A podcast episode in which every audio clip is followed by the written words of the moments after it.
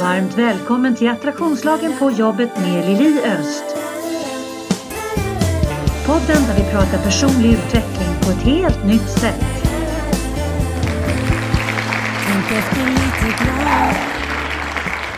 Varmt välkomna till Attraktionslagen på jobbet. Idag kör jag en eh, intervju via Zoom igen. Det är helt magiskt att det faktiskt går att prata med människor över hela världen.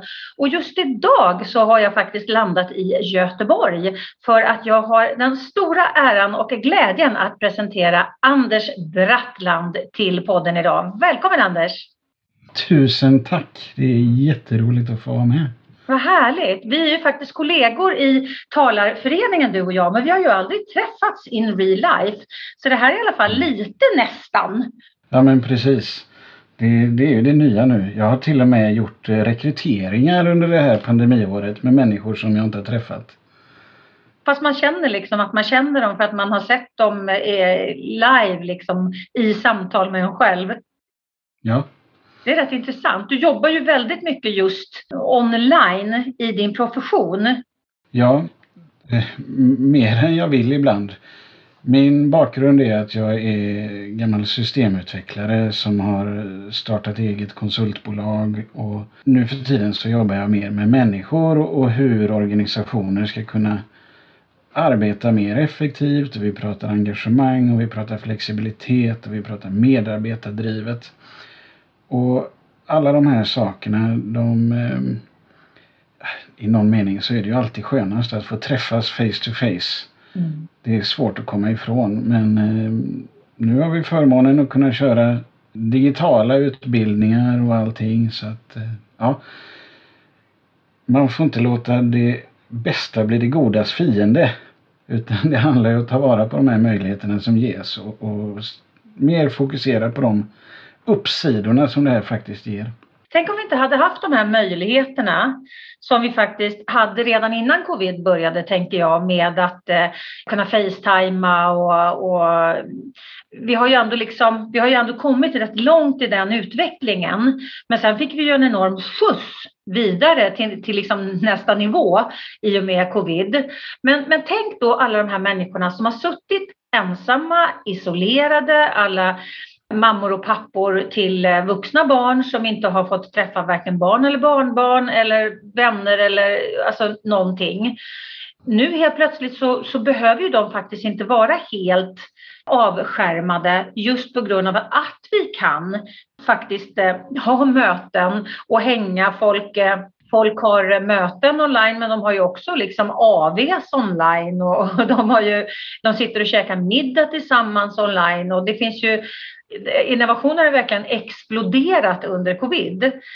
Tror du någonsin att vi kommer liksom gå tillbaka till att bara, eh, för jag menar det var ju en av de frågeställningar som, som man faktiskt har pratat om det här med att eh, det ska vara så effektivt att ha digitala möten och så vidare. Det var, ju, det var ju mot det vi gick innan covid. Men sen så har ju under covid mm. blivit så, man har blivit så medveten om behovet av eh, det, eh, liksom det, det, det fysiska mötet. Mm. Vad, vad är din take på det? För det första så tror jag väldigt bestämt att vi går aldrig tillbaka. I utveckling, någonsin. Utan vi går framåt och så tar vi med oss saker från historien. Och i det här fallet så vi kommer att ta med oss de fysiska mötena även framåt. Det, det kommer vi att göra. Eh, och vi kommer att hitta en bra balans i det här. Vi kommer att låta de fysiska mötena bli mer fysiska så att vi verkligen drar nytta utav det fysiska. Och, och skillnaden på fysiska möten och digitala möten tror jag i och med det kommer att bli större. Så det, det är väl det som, som jag tror kommer att bli den, den stora skillnaden. Mm. Det som jag är lite rädd för det är att man ska eh, hamna för mycket i hybridvarianten. Att man kör både digitalt och fysiskt samtidigt utan att egentligen förstå vad det får för konsekvenser. Så fort vi har deltagare med oss eh, digitalt så kommer de att bli eh, en eh, andra klassens medborgare i det mötet. Mm. Där de inte är med på samma villkor. Så att de kommer att hamna lite utanför. Det kan vara helt okej okay, för det kan vara det bästa som finns att göra för stunden. Men om man inte förstår de mekanismerna och upprepar dem gång på gång på gång så att det är samma människor som alltid blir utanför. Ja men då är det inte en möjlighet längre, då, då är det ett hinder. Så att jag, men, men de bitarna tror jag också kommer att mogna fram så att det där kommer att bli det kommer att växa fram en medvetenhet kring alla de bitarna. Och där tänker jag att det är ju faktiskt en eh, både du och jag vurmar ju för personlig utveckling och utveckling i stort. Du jobbar ju mycket med ledarskapsutveckling och just med det agila ledarskapet. Och som jag tänkte att vi skulle gå in på lite, lite mer sen. Men jag tänker just det här att för att det finns ju väldigt, väldigt många chefer och ledare där ute som inte är så insatta i det mänskliga psyket. Det är ju verkligen ett, eh, en, en, en nödvändighet att de behöver liksom axa upp för att förstå eh, vikten av interaktionen och vikten med inkludering. För det här är otroligt intressant. I, om, om, man, om man tittar på det du säger just nu så är det ju bättre att alla är online även om man mm. är fysiskt närvarande i samma hus. Istället för att man ska sitta då ett vi och ett dom. Det är en, en otroligt viktig eh, iakttagelse för att annars så blir det ju segregering. Ja. Men det krävs ju självinsikt och det krävs insikt om det mänskliga beteendet och våra mänskliga behov för att kunna göra den analysen. Och där tänker jag att det är många ledare som, har, eh, som behöver levla upp. Behöver du som chef och ledare ett bollplank? Kontakta mig på liliat.liliost.se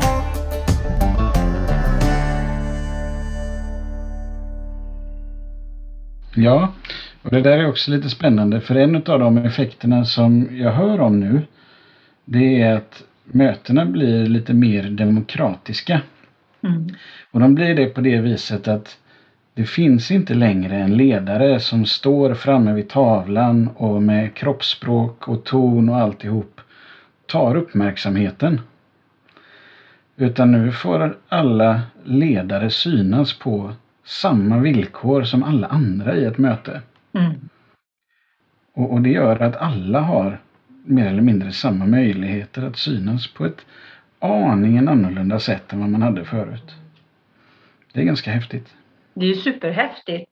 Det är ungefär som att när man gör, eh, eh, jag gjorde, förr om åren så gjorde jag, när jag fortfarande jobbade eh, som artist mer, så gjorde jag mycket jobb med ledningsgrupper för att sätta dem, precis sätta dem liksom på samma nivå och göra någonting som de aldrig har gjort. Och då jobbade jag ju mer med, med att koreografera dem och, och lära dem att sjunga och lära dem att, och röra sig och så vidare. Men det blir ju samma sak. Eller man sätter, liksom, man sätter ett gäng nakna i en bastu, eller i alla fall med handduk på sig i en bastu. Där försvinner ju liksom rangen. Och när jag jobbade med, med ledningsgrupper så var det så coolt för att då var det ju, det kunde ju vara någon som, eller företag överhuvudtaget, det kunde ju vara någon som inte alls hade någon hög position men som blev helt plötsligt jättebra just för att den här personen var grym på det jag kom med. Och då, liksom man, switchar ju om då eh, positionen och, och viktigheten så att säga. Så att, att det är väldigt nyttigt att göra det och lyfta fram människor som kanske inte alls är vana att bli, bli framlyfta men som faktiskt har jättemycket att komma med. Mm. Ja, precis. Men vad, vad, tror du om man, om man tittar på det agila, alltså agila tankesättet, tror du det här är en, en sak som verkligen man kan plocka upp i det här, att det är någonting som, som kan förstärkas? Ja, det tror jag. I det agila arbetssättet så man har ju väldigt mycket självstyre där. Mm. Och det betyder att teamen har en helt annan möjlighet att organisera sig utefter vad som är bra för just dem. Och det betyder ju att för att teamen ska fungera så behöver ju individerna fungera. Mm. Och då kan vi tillgodose de individuella behoven på ett helt annat sätt. Så att jag brukar säga att min roll som ledare det är att ta tillvara på den kollektiva intelligensen. Mm. Det är min viktigaste uppgift. Och det viktigaste jag kan göra för att det ska hända det är att hjälpa teamen och individerna att skapa rätt förutsättningar för varje individ. Och det här ingår ju i det. Behöver man jobba hemifrån för att det ska fungera med livspusslet och hämtning och lämning av barn och alla sådana här saker. Ja, men då är ju det här perfekt. Och att kunna vara med i, i, möten där man bara kan vara med lite grann eller man slipper att transportera sig mellan mötesrum och allt vad det kan vara. Det finns mm. ju helt andra möjligheter för människor att, att vara med och, och, delta på sina egna villkor idag. Mm, mm. Ja, man ser ju att folk, det är ju jättemånga som har flyttat utanför stan under covid nu här eh, för att liksom komma bort ifrån trängsel och oreda och sen så när de har kunnat jobba hemifrån så, så märker de att de, alltså de kan ju ha en helt annan livskvalitet Just mm. för att man inte behöver, alla behöver inte åka in till en eh, huvudstad eller en storstad eller, eller stad överhuvudtaget utan man, man kan faktiskt göra sitt arbete eh, hemifrån där man, där man är. Och om jag tittar på mig, jag har nu, nu har jag, jag började inte jobba hemifrån i och med covid för jag har jobbat, jag har haft kontor hemma i många år. Och vid något tillfälle så bestämde jag mig för nej jag behöver ha kontor någon annanstans för att det är ingen jävel som kommer förbi mitt eh, kök. Det blir ju liksom, någonstans så blir det ju att eh, man missar ju mycket av interaktionen, den spontana interaktionen som man är när man är någonstans i en, liksom en kontext där det finns andra företagare, andra människor. Så då bestämde jag mig för att jag skulle sitta på företagshotell så jag har suttit på några olika då, då. Supersköna, jättebra. Men det jag upptäckte det var ju att jag blev ju så mycket mindre effektiv för jag blev så störd av alla människor som, som satt och pratade bredvid. Och, för jag är ju van att vara superfokuserad när jag arbetar om mm. jag inte coachar eller om jag är ute och föreläser ute hos kund. Men just i mitt eget, liksom, i mitt eget arbete så blev jag så störd så att när covid kom så avslutade jag det igen. För att jag, för mig är det enklare att sitta hemma och jobba. Men då måste man ju någonstans ändå finnas i en kontext med andra människor. Jag har ju övat som sagt på det här i jättemånga år. Men de som inte har övat på det, som kanske har lite dålig självkänsla, som, som eh, inte riktigt känner sig inkluderade eller att de har koll på var någonstans de är i flocken och så vidare. För dem kan det ju vara en nödvändighet att se till att de hamnar i en kontext med människor där de känner sig inkluderade. Det är många av mina klienter som faktiskt har varit lite deppiga nu när de har suttit hemma och jobbat för att de inte har känt sig så viktiga och de har inte känt sig sedda. Söker ni en annorlunda kick-off i år, in real life såväl som online? Kontakta mig på lili.liliost.se. Men du, för, för de som inte vet riktigt vad, vad ett agilt eh, eh tankesätt eller ett, ett, att, att leda ett företag agilt innebär, kan inte du dra en, en kortis om, om, om agilitet? Jo, det gör jag jättegärna. Det var ett gäng systemutvecklare i början av 2000-talet som satte sig och skrev Agila manifestet. Och det Agila manifestet det handlar om hur man skriver bättre eh, mjukvara. Så att ren systemutveckling. Och de principerna som gällde för mjukvaran de blev väldigt populära och idag så när man bygger mjukvara så är det i princip standard överallt att man utgår ifrån agil utveckling. Och sen kom man på att det var inte bara de där systemutvecklarna som skulle sitta och vara effektiva och leverera bra grejer utan det var ju hela organisationen som skulle leverera bra saker och så började man fundera mer och mer på vad det var som faktiskt gjorde att det fungerade. Och då handlade det om att fokusera på människor istället för processer. Och under de senaste åren så har man förfinat det agila manifestet och gjort det mer modernt. Och då har det dykt upp ett manifest som kallas för Modern Agile istället. Och då har man tagit bort de mjukvaruspecifika delarna och så har man gjort det så att det fungerar för alla positioner egentligen i alla typer av organisationer. Och då de pelarna som är i Modern Agile, jag fullständigt älskar dem. Det, det är fyra stycken och den första är Hjälp människor briljera. Och jag tycker den är helt underbar. Att få kliva upp på morgonen och ha det som ansats för dagen. Hjälp människor briljera. Det spelar ingen roll om det är mina barn eller min sambo eller om det är mina kunder eller mina medarbetare. Hjälp människor briljera. Det För det, den, den är ju fantastisk. Ja. Den sätter ju verkligen an en, ett förhållningssätt till livet som ja. är... Eh, om det är mitt fokus varje dag, att jag ska hjälpa människor att briljera, då behöver jag ju ställa mig ett antal frågor. Liksom, hur, ska jag, hur, hur kan jag göra detta? Det blir ju liksom istället för att... Alltså det blir ju en, en fantastisk en fantastisk infallsvinkel till livet. Och om jag tittar på det ur ett energiperspektiv så är ju det väldigt högfrekvent eftersom det springer ur kärlek och kärlek är högfrekvent. Ja. Ja, coolt, förlåt, jag var bara tvungen att reflektera. Mm, det är nästan så att man hade velat stanna där. Ja. Men det finns det till.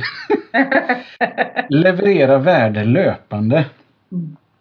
Och den är inte riktigt lika sexig som Hjälp människor briljera men det handlar fortfarande om att vi behöver leverera saker. Mm. Och det ska vi göra ofta. Det är vanligt, eller var vanligt framförallt att man hade långa projekt och så gjorde man man la två år på att bygga ett system och sen så levererade man. Och du kan ju bara föreställa dig idag om du ska gissa hur IT-världen ser ut om två år. Mm. Vilka konkurrenter har du om två år? Vilka andra appar använder folk om två år? Det är ju helt omöjligt. Nej, precis. Så det vi behöver göra då det är att, att leverera löpande. Vi, vi gör små testskott hela tiden och så får vi feedback.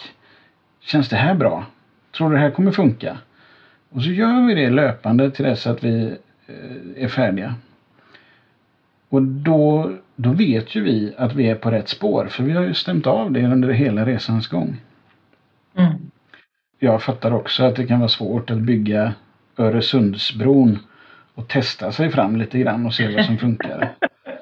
Det, det, den är ju bra att, att, rita och beräkna i ett stycke liksom. Så det här, man får ju ta det med en nypa salt och, och se det där det funkar. Men det är ju ändå en bra grej tänker jag, om jag får bara peta in där. Det är ändå en bra grej tänker jag, för att om jag, om jag tar det här till exempel i korrelation med, med eh, mätinstrument, man mäter hur folk mår på företag. Alltså om du inte gör många små, små dykningar, små, små mätningar. Du kan ju inte mäta en gång om året hur folk mår. För då har du mm. missat 99 eh, procent av eh, liksom det som, som verkligen händer på arenan. Eh, så att, att överhuvudtaget att, att kanske ha, framför allt tänker jag när livet, livet och vårt samhälle går så himla fort, mm. så, så kanske det är en, en bra sak generellt att göra mycket fler och eh, alltså mätningar, eh, avcheckningar, bara liksom känna på pulsen grejer generellt. Eh, alltså, jag har en, en story. Det finns en, en, eh, en föreläsare eller en, en eh, författare som heter, eller hette, han är faktiskt död nu, eh, Wayne W. Dyer. Och jag läste någon av hans böcker att eh, precis i början av hans karriär, han, han var ju en, en eh, fantastisk eh, föreläsare och inspiratör och eh, har gjort en massa böcker, han har skrivit hur mycket böcker som helst.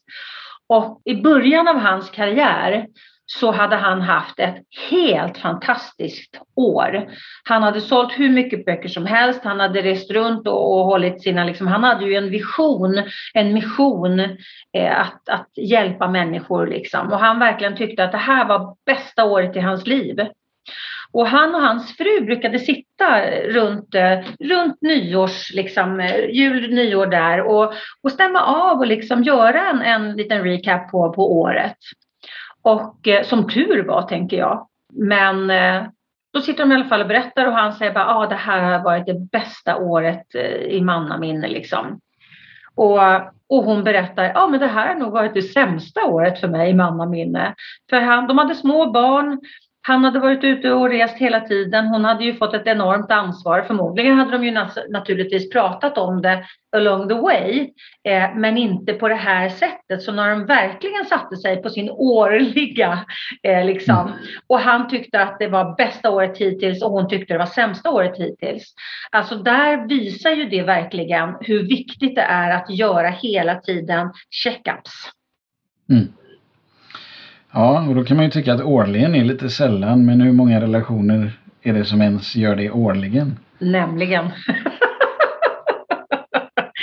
Absolut. Det ligger till grund för att jag har gjort en, en eh, onlinekurs för par. Just att lära känna varandra och ställa frågor och checka av liksom, var är du nu och vad känner du gällande det här? Har ni fastnat i negativa tankemönster som skapar oönskade resultat? Kontakta mig på lili.liliost.se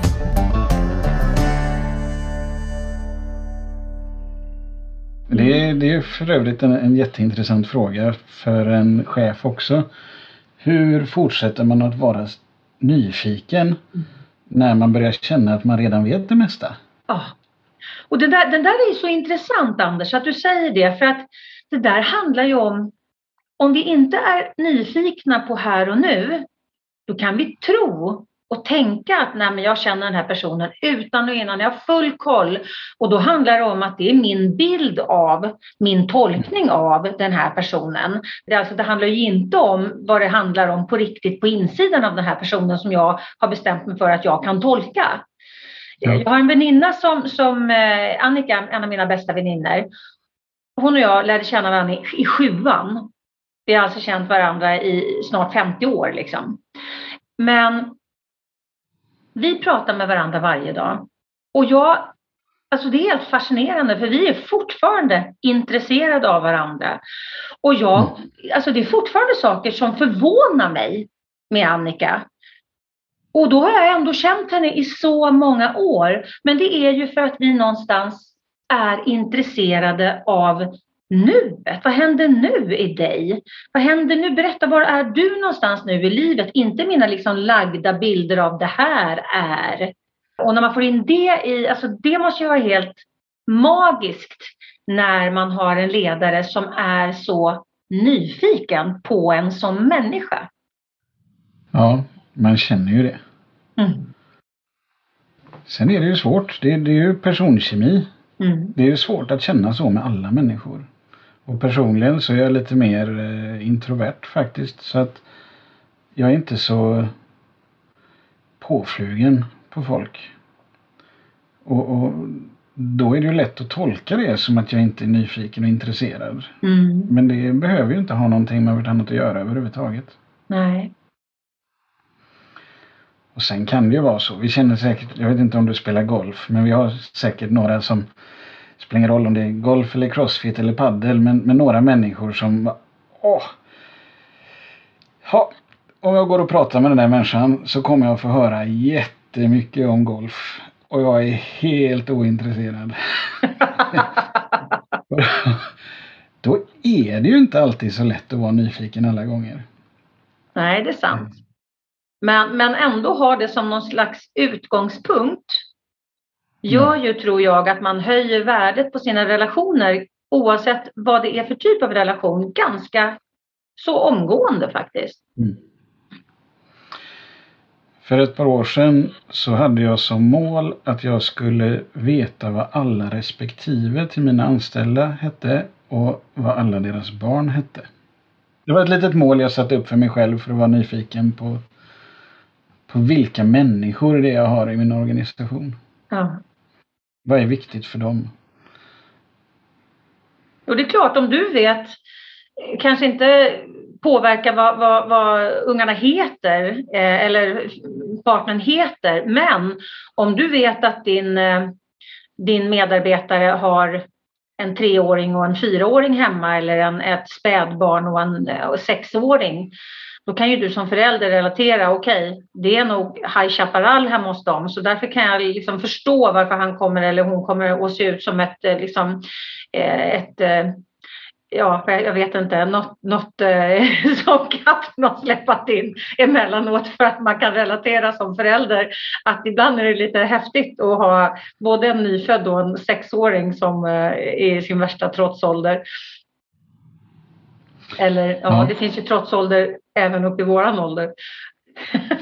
ja, ja det, det gör visst det.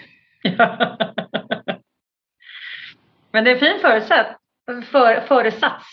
Eh, att, eh, att, liksom, att du tog det som, som, ett, som ett mission tycker jag. För det visar ju ändå att det är viktigt för dig att veta vem du har i din organisation.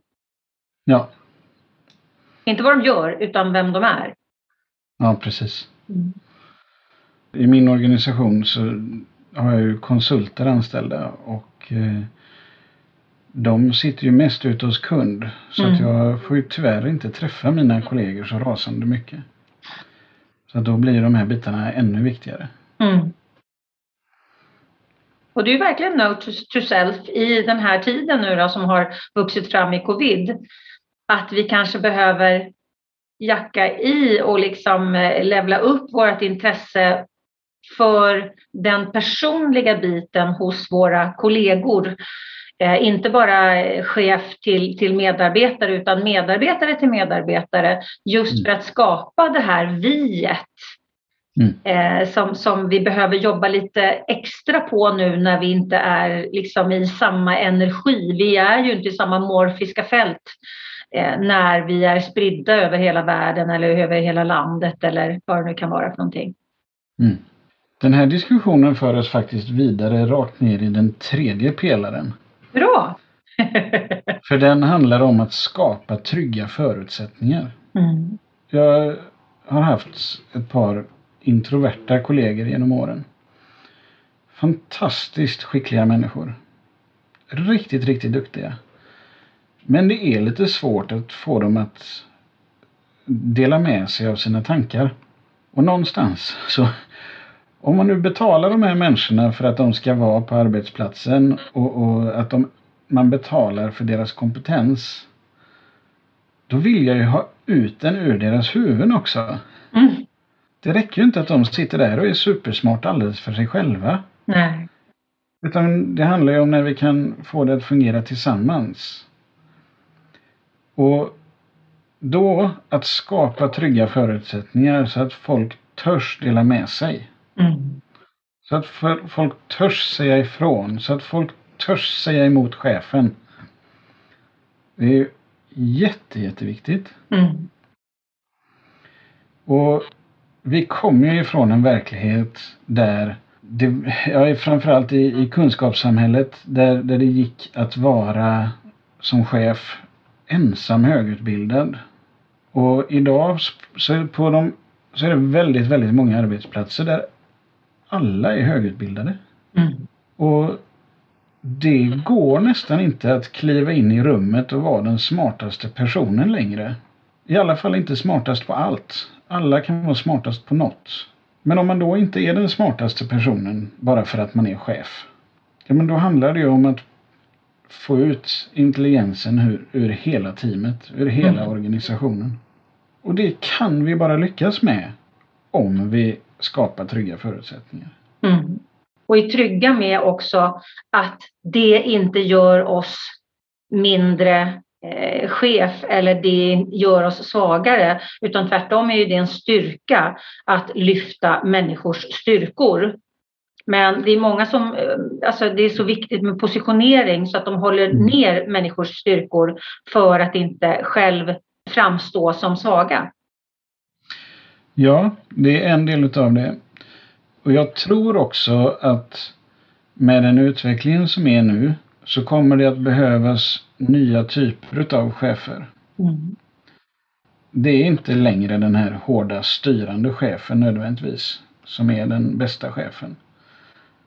Utan eh, nu handlar det om den som kan få de andra att vara sina bästa jag.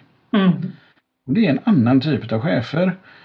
Och då, då kan det ju faktiskt vara så att den här gamla sortens chef eh, kan få vara lite orolig för att eh, den har ett, nått sitt bäst före-datum. Så det kan ju finnas lite fog för den rädslan också. Mm. Att den ledarstilen inte längre är den som funkar bäst. Nej, det är rätt tydligt att den inte gör det. Vi har ju varit inne ganska länge i ett paradigmskifte eh, och eh, den här gamla liksom hierarkiska eh, styret, det har ju varit, det har ju varit upp, alltså, utdaterat ganska länge, även om det finns folk som, som håller sig kvar med näbbar och klor i den typen av ledarskap. Ja. Och det, det är inte konstigt att de är rädda. Nej. Och då tänker jag så här, istället för att vara rädd, kan man inte bli lite nyfiken då på, okej, okay, om det här som jag har sysslat med nu här i så här många år är förlegat. Det är ungefär som att acceptera att ha en, en knapptelefon med fläpplock när det finns liksom eh, högteknologiska minidatorer som folk har i dagens läge. Undrar varför man tillåter sig själv då att vara en gammal knapptelefon med fläpplock eh, istället för att liksom axa upp och bli den här eh, iPhone 12 eller Samsung någonting eller vad det nu kan vara för någonting. Jag skulle säga att det är väldigt, väldigt mänskligt. Mm. Om du har haft en karriär i 20 år som du har byggt upp på att göra på ett visst sätt. Mm. Där du har räddat situationen och löst alla dina problem med vissa sätt.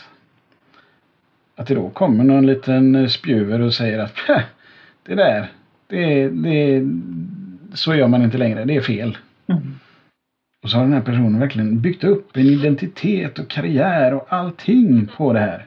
Mm ingår i den personens självbild. Fan, du där i spegeln, du är en beslutsam typ. Du kan göra grejer. Och, så ska den personen liksom börja programmera om hela sig själv och erkänna kanske att det där jag gjorde, det var inte helt hundra och det kanske till och med har gjort folk illa på kuppen och det kanske har sagts upp folk som har varit för mesiga eller vad som helst som inte har passat in och så då att, att se sig själv i spegeln och säga att det kanske var mig det var fel på. Mm. Det är jätteläskigt och, och, det får vi nog respektera att, att, att det är för de flesta. Vi vet, både du och jag, att, att de skulle få det enklare om de kunde slappna av och bara säga att ja, jäklar, det där var nog tokigt. Och det här nya verkar fantastiskt spännande. Det är ju så jag själv skulle vilja bli behandlad. Mm. Men eh, vägen dit, den är, den, den är ju jättekämpig. Vill ni börja onlinekonferensen, mötet eller kanske veckan med livesång och tankeinspiration? Kontakta mig på lili.liliost.se man kan gå tillbaka till Platon liksom och grabbarna och, och de konstaterade att ungdomarna hade nya idéer. Alltså det är ju det är inget nytt att, att eh, den unga generationen har nya idéer, men jag tänker att precis som vi sa förut att, att nu går samhället så otroligt fort. Så om man ska kunna vara en hållbar ledare med ett hållbart ledarskap, då, behö, då kan man inte göra den här djupdykningen en gång om året som vi konstaterade att det är väldigt många relationer som inte ens gör den. Och det är nog väldigt många ledare som inte ens gör den heller. Utan man behöver bli mer agil Eh, i sina tankar, att man är mer flexibel, att man växer hela tiden med samhället. Och att det är det som skapar det hållbara ledarskapet för att man, man är nyfiken. Man har inte sina lagda sanningar att så här gör man, så här är det. Utan att man, att man eh, faktiskt accepterar att man behöver vara rörlig. Ja, precis. Och det leder oss faktiskt rätt in på den fjärde pelaren. Den är nämligen experimentera och lär dig snabbt. Mm. För det är på det viset som vi kan vara rörliga. Mm. Funkar det här? Funkar det här? När vi går in i det lärandet, det är, det är då vi kan utvecklas och det är då vi kan byta riktning. Det är då vi kan förstå vad det faktiskt är som händer. Mm. Och ursprunget till den här experimentera och lär dig snabbt, den var en annan princip då i det agila manifestet. Den hette Responding to change over following a plan. Och det handlar alltså om att man skulle kunna liksom svara upp på förändringar. Men jag brukar säga att den här andra varianten från Modern Agile, att experimentera och lära sig snabbt. Om man går in i en ledningsgrupp och frågar dem om de vill sitta i förarsätet eller i passagerarsätet och, och driva utvecklingen. För det är vad det handlar om att experimentera. Mm. Det är att driva utvecklingen. Då är de flesta rörande överens om att det där med att driva utvecklingen det låter fantastiskt mycket bättre för deras organisation. Så att den, den är också väldigt tilltalande. Men det är också så att när vi jobbar med experiment i ett experiment så vet vi ju inte på förhand att vi lyckas. Nej, Annars är det ju inte ett experiment. Då är det nej bara ett precis. Och om vi då inte har trygga förutsättningar då kommer vi ju inte att våga misslyckas. nej. Så skall vi experimentera så behöver vi också trygga förutsättningar. Så de här hänger ihop också. Mm. Vad menar du med trygga förutsättningar, Anders? Den är jättebred Mm. men det, det handlar väldigt mycket om att lita på människor, Mm. tycker jag. För det, det är liksom nyckeln som låser upp så mycket annat. Om vi kan lita på varandra så vi kan ta och jämföra med IMGD, Susan Whelans eh, forskning om eh, grupputveckling. Integrative Model of Group Development. För att ta sig till de eh, mer högpresterande faserna i grupputvecklingen så behöver teamen kunna prata känslor. Man Mm. behöver kunna vara öppna med varandra. Och eh, där ligger väldigt mycket. Då menar jag att vi behöver liksom kliva ur våran jobbkostym Mm.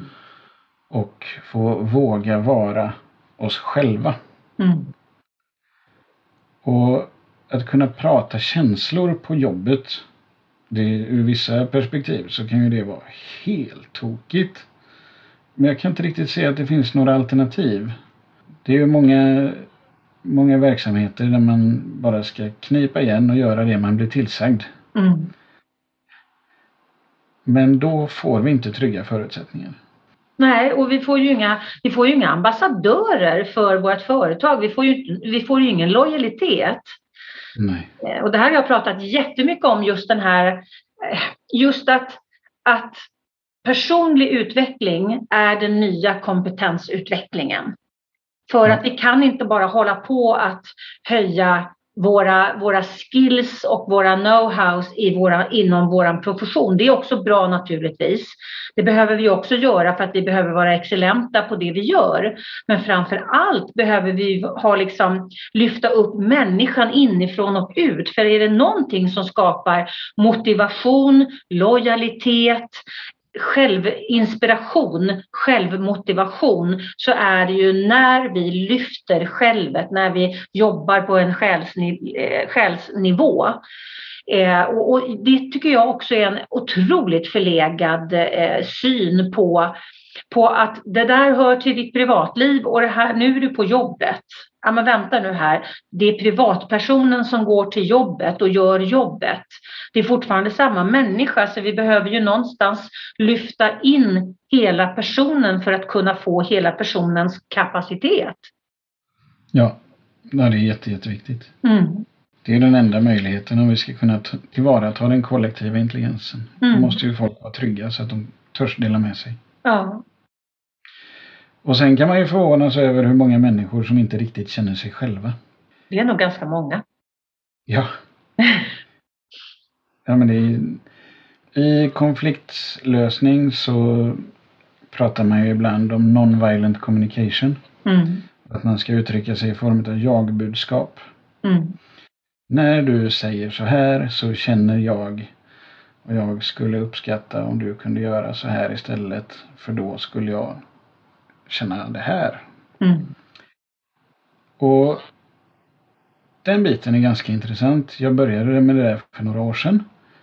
Och en av sakerna som hände då var att just den här lilla biten med då känner jag. Mm.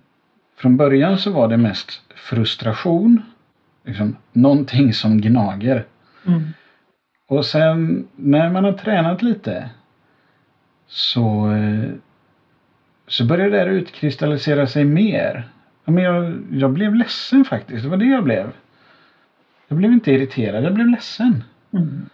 Eller besviken eller, eller frustrerad. Eller, och så fanns det en liten gnutta ilska där också. Eller jag blev avundsjuk eller vad det nu var. Och det kan vara bra för oss att förstå om vi är avundsjuka eller om vi är ilskna eller ledsna. För det blir lite andra sätt att, lösa de problemen på. Mm. Mm. Och jag tänker i kommunikation med det, i alla relationer oavsett om det handlar om på jobbet eller om det handlar om eh, privat. Jag, jag, pratar ju också mycket om det som, som är då non-violent communication som också kallas för vargspråk och giraffspråk. Och jag pratar också mycket om det. Det är dels med i den här eh, eh, relationskursen jag pratade om. Där har jag ett, ett helt kapitel om just eh, vargspråk och giraffspråk. För det är så otroligt ofta som man anklagar, man, man Mm. påstår, man, man, eh, du gör alltid så här eller du gör aldrig så där. Och så håller inte den andra personen med, vilket betyder att mitt budskap landar ju inte i personen utan eh, hen tycker ju bara att jag är dum i huvudet och har fel och tar inte till sig någonting av det jag sa. Det blir bara försvarsläge för hela slanten. Ja men precis, vilket gör att, att det jag ville kommunicera kommer inte fram ett smack. Men däremot, precis som du säger, om jag hade varit en jag-fokusering. Jag känner att när du gör så, så känner jag så här. Var är din intention? Det här landade i mig, det här läste jag in, var det så du menade? Istället för att säga du gör, du gör, du gör inte, du är, du är inte och så vidare.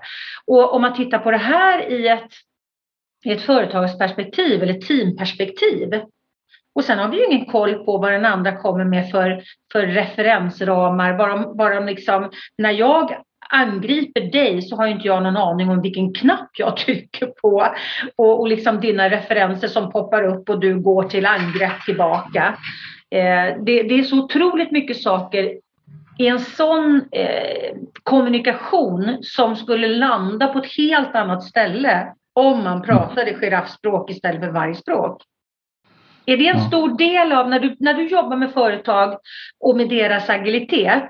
Eh, det står på din LinkedIn-profil, nyfiken, agil inspiratör som hjälper företag att hitta sin egen agilitet. Eh, Ja. Är det här en av de sakerna du arbetar med? Ja, det är det. Men den är oftast inte i fokus.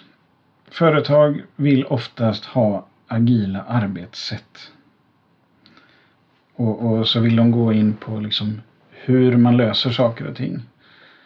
Och det är ingen idé egentligen att prata om agila arbetssätt innan vi har gått in på det agila ledarskapet och det agila förhållningssättet. För då, då blir det bara platt. Man vill hoppa över de viktigaste momenten. Ja. Ja. Ja men det, det är som om du skulle kliva in på, i, i en eh, hockeyarena och bara be att få lära dig att göra mål. Ja, Det men är bra. sluta nu. Du måste lära dig åka skridskor. Du måste lära dig knyta skridskorna, hålla klubban och hej och. Det går inte bara att lära sig göra mål liksom. Förstår de när du drar den metaforen? Ja, det tycker jag. Mm. Eh, Men jag har fått slipa på det i några år. Mm. Eh, Så att, så att man brukar prata om skillnaden på att göra agilt och att vara agil. Mm. Jag kände precis den, den frågan i mig själv. Att det handlar om varandet, inte görandet. Ja. Och då, då finns det väldigt, väldigt många organisationer som är fast i massa tunga processer och byråkrati och administration och vad det nu kan vara. Och, och då tycker de att Nej, men vi, vi kan aldrig bli agila. Det här det kommer aldrig funka för oss. Det är kört. Det här är... Du får ta det här någon annanstans. Jag förstår att det kan fungera i privat sektor men i offentlig sektor så kan vi inte göra så. Eller det finns hur många argument som helst. Eh, jag har haft elever från Ringhals, kärnkraftverket. Och, och, det är klart att man inte vill att de ska experimentera och lära sig snabbt. Eh, liksom hur som helst. Det här måste ju anpassas till varje organisation, vad de mm. har för förutsättningar och, och alltihop. Men om vi då tar non-violent communication eller giraffspråk som ett exempel, för det har jag faktiskt i en av utbildningarna som jag håller som en liten del. Det spelar ingen roll om du är en väldigt processorienterad organisation eller om du är en självstyrande organisation för huruvida du ska använda giraffspråket när du har en konflikt eller inte. Nej, precis. Hur du bemöter dina kollegor, det, du kan ju bete dig schysst och, och vara nyfiken i alla typer av organisationer. Det har inte med det att göra. Sen att det finns olika grad av hur mycket vi behöver dokumentera och hur långa projekt vi kan ha och så vidare. Beroende på vilken organisation vi är. Ja, absolut. Men det, då är vi ju inne på arbetssätten. Och de är ju faktiskt inte lika spännande i det här. Så att sätta värderingarna i botten, det, det är liksom där som det avgörs tycker jag. Mm. Mm. Men de flesta, jag, jag inleder alltid mina kurser med att fråga vad folk har för förväntningar. Och då vill de ju ha verktyg. Så jag får alltid inleda mina kurser med att säga att de kommer att bli de kommer inte bli besvikna men de kommer inte få det de kom dit för. De kommer få något bättre. Mm. Och så får de lite verktyg också. Så att de inte blir helt förtvivlade. De får med sig värderingar och principer, förhållningssätt. Mm. Och de ligger ju till grunden för hur vi liksom, vad vi förväntar oss, Eh, och hur vi agerar, hur vi känner inför saker. Och, och, för att ta tillbaks det till ett energiperspektiv, om man tittar på attraktionslagen funkar lika attraherar lika och den interagerar med våran känsla av. Och, och det vi behöver skapa det är ju liksom känslan av minsta motstånd och för att vi ska kunna skapa känslan av minsta motstånd så behöver vi ha koll på oss själva. Och bara den grejen med, med grundvärderingar i företaget och grundvärderingar i människor. Alltså det är ju otroligt många ledningsgrupper som absolut inte har koll på varken sina egna värderingar eller lever företagets värderingar. Mm. Och så ska det ner liksom i nedstigande led i, i organisationen med folk som kanske inte har någon koll på sina egna värderingar eller företagets värderingar. Ja, men vad har vi mm. för grundvärderingar? Jag har det här i någon bok, någon, någon perm någonstans. Vänta, jag ska leta fram det. Ja, men hur är du? hur är du liksom? Hur är du värderingarna? Eller i relationer som vi pratade om förut. Om vi inte har någon koll på vår egen, alltså våra egna värderingar så träffar vi någon annan som inte har koll på sina egna värderingar. Men bara för att vi inte vet om våra värderingar betyder inte att vi inte har dem. Nej, Utan det är ju de som ligger till grund för varför saker och ting kraschar. Eller att man, liksom, att man clinchar i vissa avseenden fast man inte vet varför man clinchar. Men hade jag haft koll på att det här är en jätteviktig sak för mig. Då skulle jag ju ha kommunicerat den på ett helt annat sätt. Mm. Ja, vi gjorde ett värderingsarbete i vår firma. Där eh, hela bolaget var med och jobbade fram nya värderingar. Och så hade vi dem som grund när vi eh, gjorde om våran ersättningsmodell sen. Så att vi, vi försökte verkligen att leva dem. Eh, vi landade i nyfikenhet, omtanke och förtroende. Och då kunde vi se om våran lönemodell stämde överens med den och det gjorde den inte. Utan när vi startade bolaget så hade vi en ersättningsmodell som gjorde att konsulterna fick en procentsats utav det de drog in. Och var de obelagda så blev ju det en procentsats på noll kronor då. Mm. Och då kunde vi konstatera att det var ju inte särskilt mycket omtänksamhet i det. Nej. You're on your own. Mm. Så att då, då rev vi upp den lönemodellen. Och idag så har vi en lönemodell där alla sätter sina egna löner helt själv. Det finns ingen som godkänner lönerna. För att så fort vi har någon som godkänner lönerna så tar vi ifrån folk ansvar. Coolt! Och hur, fun hur funkar det då? Jo, vi har tagit fram en mall som innehåller den information som alla behöver för att ta bra beslut om sina löner.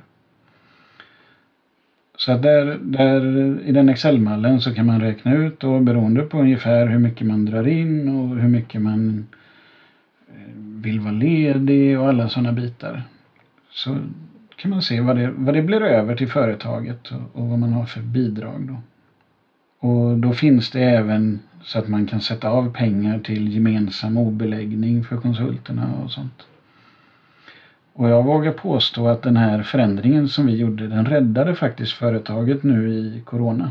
Förra året, i våras, när det hettade till på riktigt, så var det ett flertal kunder som hörde av sig till oss. Eh, för att de, de kunde inte ha kvar konsulter. Eh, Stena Line till exempel, det gick ju inte en enda färja till Danmark. Så det, var ju, det var ju omöjligt för dem att ha kvar konsulter och sköta det. Och, eh, så att de här olika företagen, de, det var också företag som eh, var tvungna att sänka arvodena med 30 procent och med 40 procent och så vidare. Så eh, om konsulterna hade fått vara on their own, att de bara skulle få procent på det de drog in, då, då hade de sagt upp sig för de mm. hade kunnat få jobb var som helst annars. Mm, mm. Sen så hade vi en kille som var sist anställd, en månads uppsägningstid. Och så fick han sitt avtal uppsagt. Och då stod jag på ett månadsmöte och frågade min personal hur de tycker att vi ska hantera det här. Och då säger de att de vill gå ner i lön för att vi ska kunna behålla honom då har man ju skapat, då, då har man skapat ett vi på riktigt. Ja. Du lyssnar på Attraktionslagen på jobbet. Podden som utmanar gamla sanningar och inspirerar till nya tankegångar. Gud vad härligt. Mm. Vad, vad, glad jag blev i hjärtat kände jag. Jag lipade på det mötet. Ja, jag förstår det. Ja, jag förstår det. Så att få stå där som, som eh, VD för ett bolag och, och lipa av tacksamhet för att man har världens grymmaste kollegor. Jag får fortfarande gåshud än idag när jag tänker på det. Så att den, den eh, justeringen räddade firman. Mm. Ja, och, och verkligen, alltså där fick ju dina medarbetare fick ju verkligen alltså de, de satt, alltså hur ska man säga? De var, eh, de var teamet på riktigt. Ja. De var teamet på riktigt. Och de kände att de var teamet på riktigt. Förstår du vad de måste ha känt sig eh, fantastiska i teamet för att de alltså, jackade in på det sättet. Och den här som kom sist in Eh, den kärleken han fick ifrån teamet. Alltså det kan ju bara bygga lojalitet och ambassadörskap. Ja, det och någonstans, visst, man kan vara strategisk i det och titta på alla de effekterna och så vidare. Men, men de här sakerna handlar ju mer om att få vara på det sättet som vi vill vara. Mm. Än att vi faktiskt får en massa effekter av det. Mm. Effekterna, ja vi får dem men, men det, är inte, det är inte därför vi gör det. Att man hittar Utan sitt det handlar Om att vi vill vara de människorna som, som vi trivs bäst med att vara. Mm, mm. Och när vi är det, när vi är de människorna som vi trivs bäst med att vara, då blir vi högfrekventa. Och när vi mm. är högfrekventa, då, då sänder vi ut högfrekvent energi eh, vilket kommer alla till gagn och vi attraherar in låg, eller säga, högfrekventa situationer, personer, möjligheter och så vidare. Vi, vi, vi jobbar på en helt annan nivå. Och det är, ju, det är det som jag brinner för, att faktiskt öppna ögonen för, för, för människor. Att vi kan påverka eh, effekten av vårt liv genom vilka vi väljer att vara och väljer hur vi fokuserar och blir medvetna om vad vi har för inre processer som, som ligger i vägen för att vi ska kunna vara de här människorna som vi verkligen vill vara. För det har ju en jävla massa paradigm, de flesta av oss som ligger och stör på insidan som vi inte är medvetna om. Och då har vi inte heller koll på våra reaktioner eller vad det nu kan vara för någonting. Mm.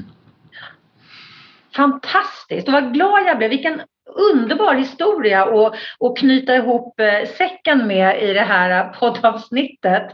Eh, jag hoppas verkligen att det blir inspira alltså inspiration för en annan företagsledare att eh, fundera lite grann på hur gör vi och var leder det människorna?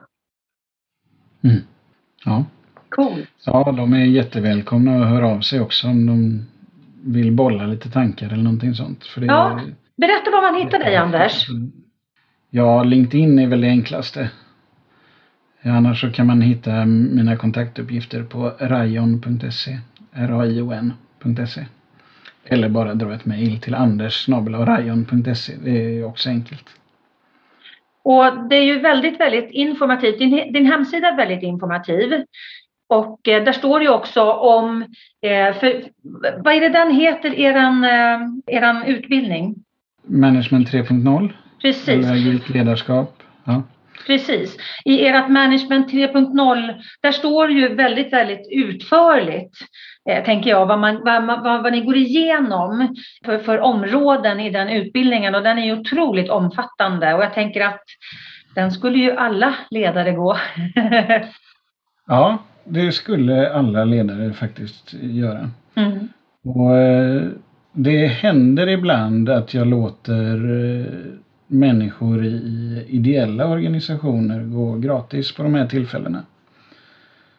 Så att jag, vi vill väldigt gärna bidra till ett bättre samhälle. Så att mm. om vi har möjlighet att göra det genom att ge bort en plats på någon sån här kurs till en ideell organisation så, så är det någonting som vi känner oss stolta över att få göra. Fantastiskt. För att de frågeställningarna som är under beskrivningen av kursen, de är ju de är fantastiska och de är crucial och det handlar inte bara om ledarskapet utan det handlar ju faktiskt om det, om det personliga ledarskapet också och då handlar det ju också om hur man blir i relation till sina relationer, eh, mm. sin familj, sina vänner, sina barn.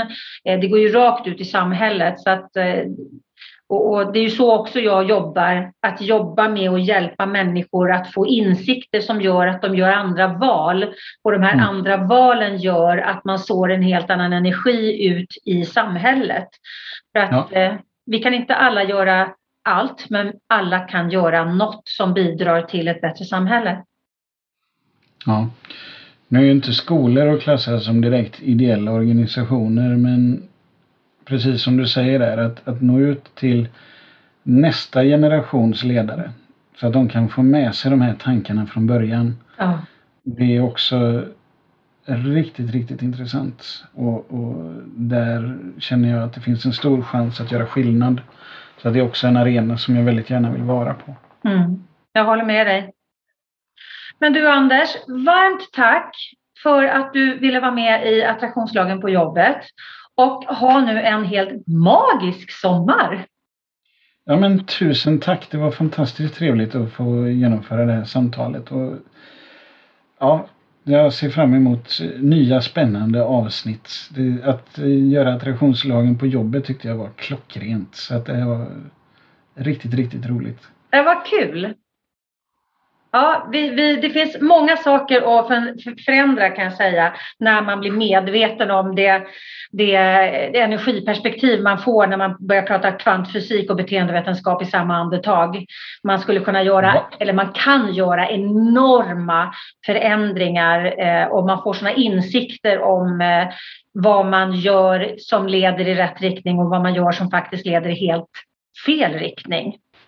Men det är ett annat ja. avsnitt. ja, jösses. Men det är också ett spännande avsnitt. Det är ett väldigt spännande avsnitt. Men du Anders, stort tack och varmt välkommen tillbaka. Det är kanske är vi som ska ha det nästa avsnitt. Ja, kanske det. Eller hur? Ha det bra. Hej då. Hej. Hand sig. Du har lyssnat på podden Attraktionslagen på jobbet. Podden som utmanar gamla sanningar och inspirerar till nya tankegångar. Tänk efter lite grann. Hur har du det omkring dig nu? Är du nöjd? Är du nöjd med det du har? Var är du i ditt liv? Har du funderat på att ta ett annorlunda kliv? Känner du som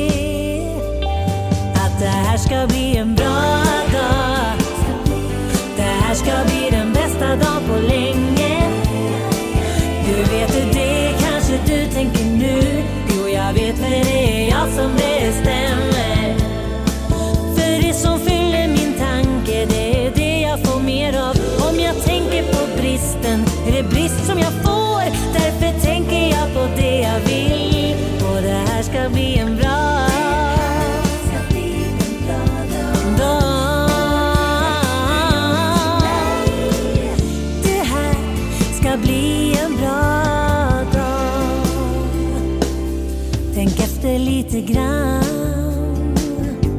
Vad är det som du tänker på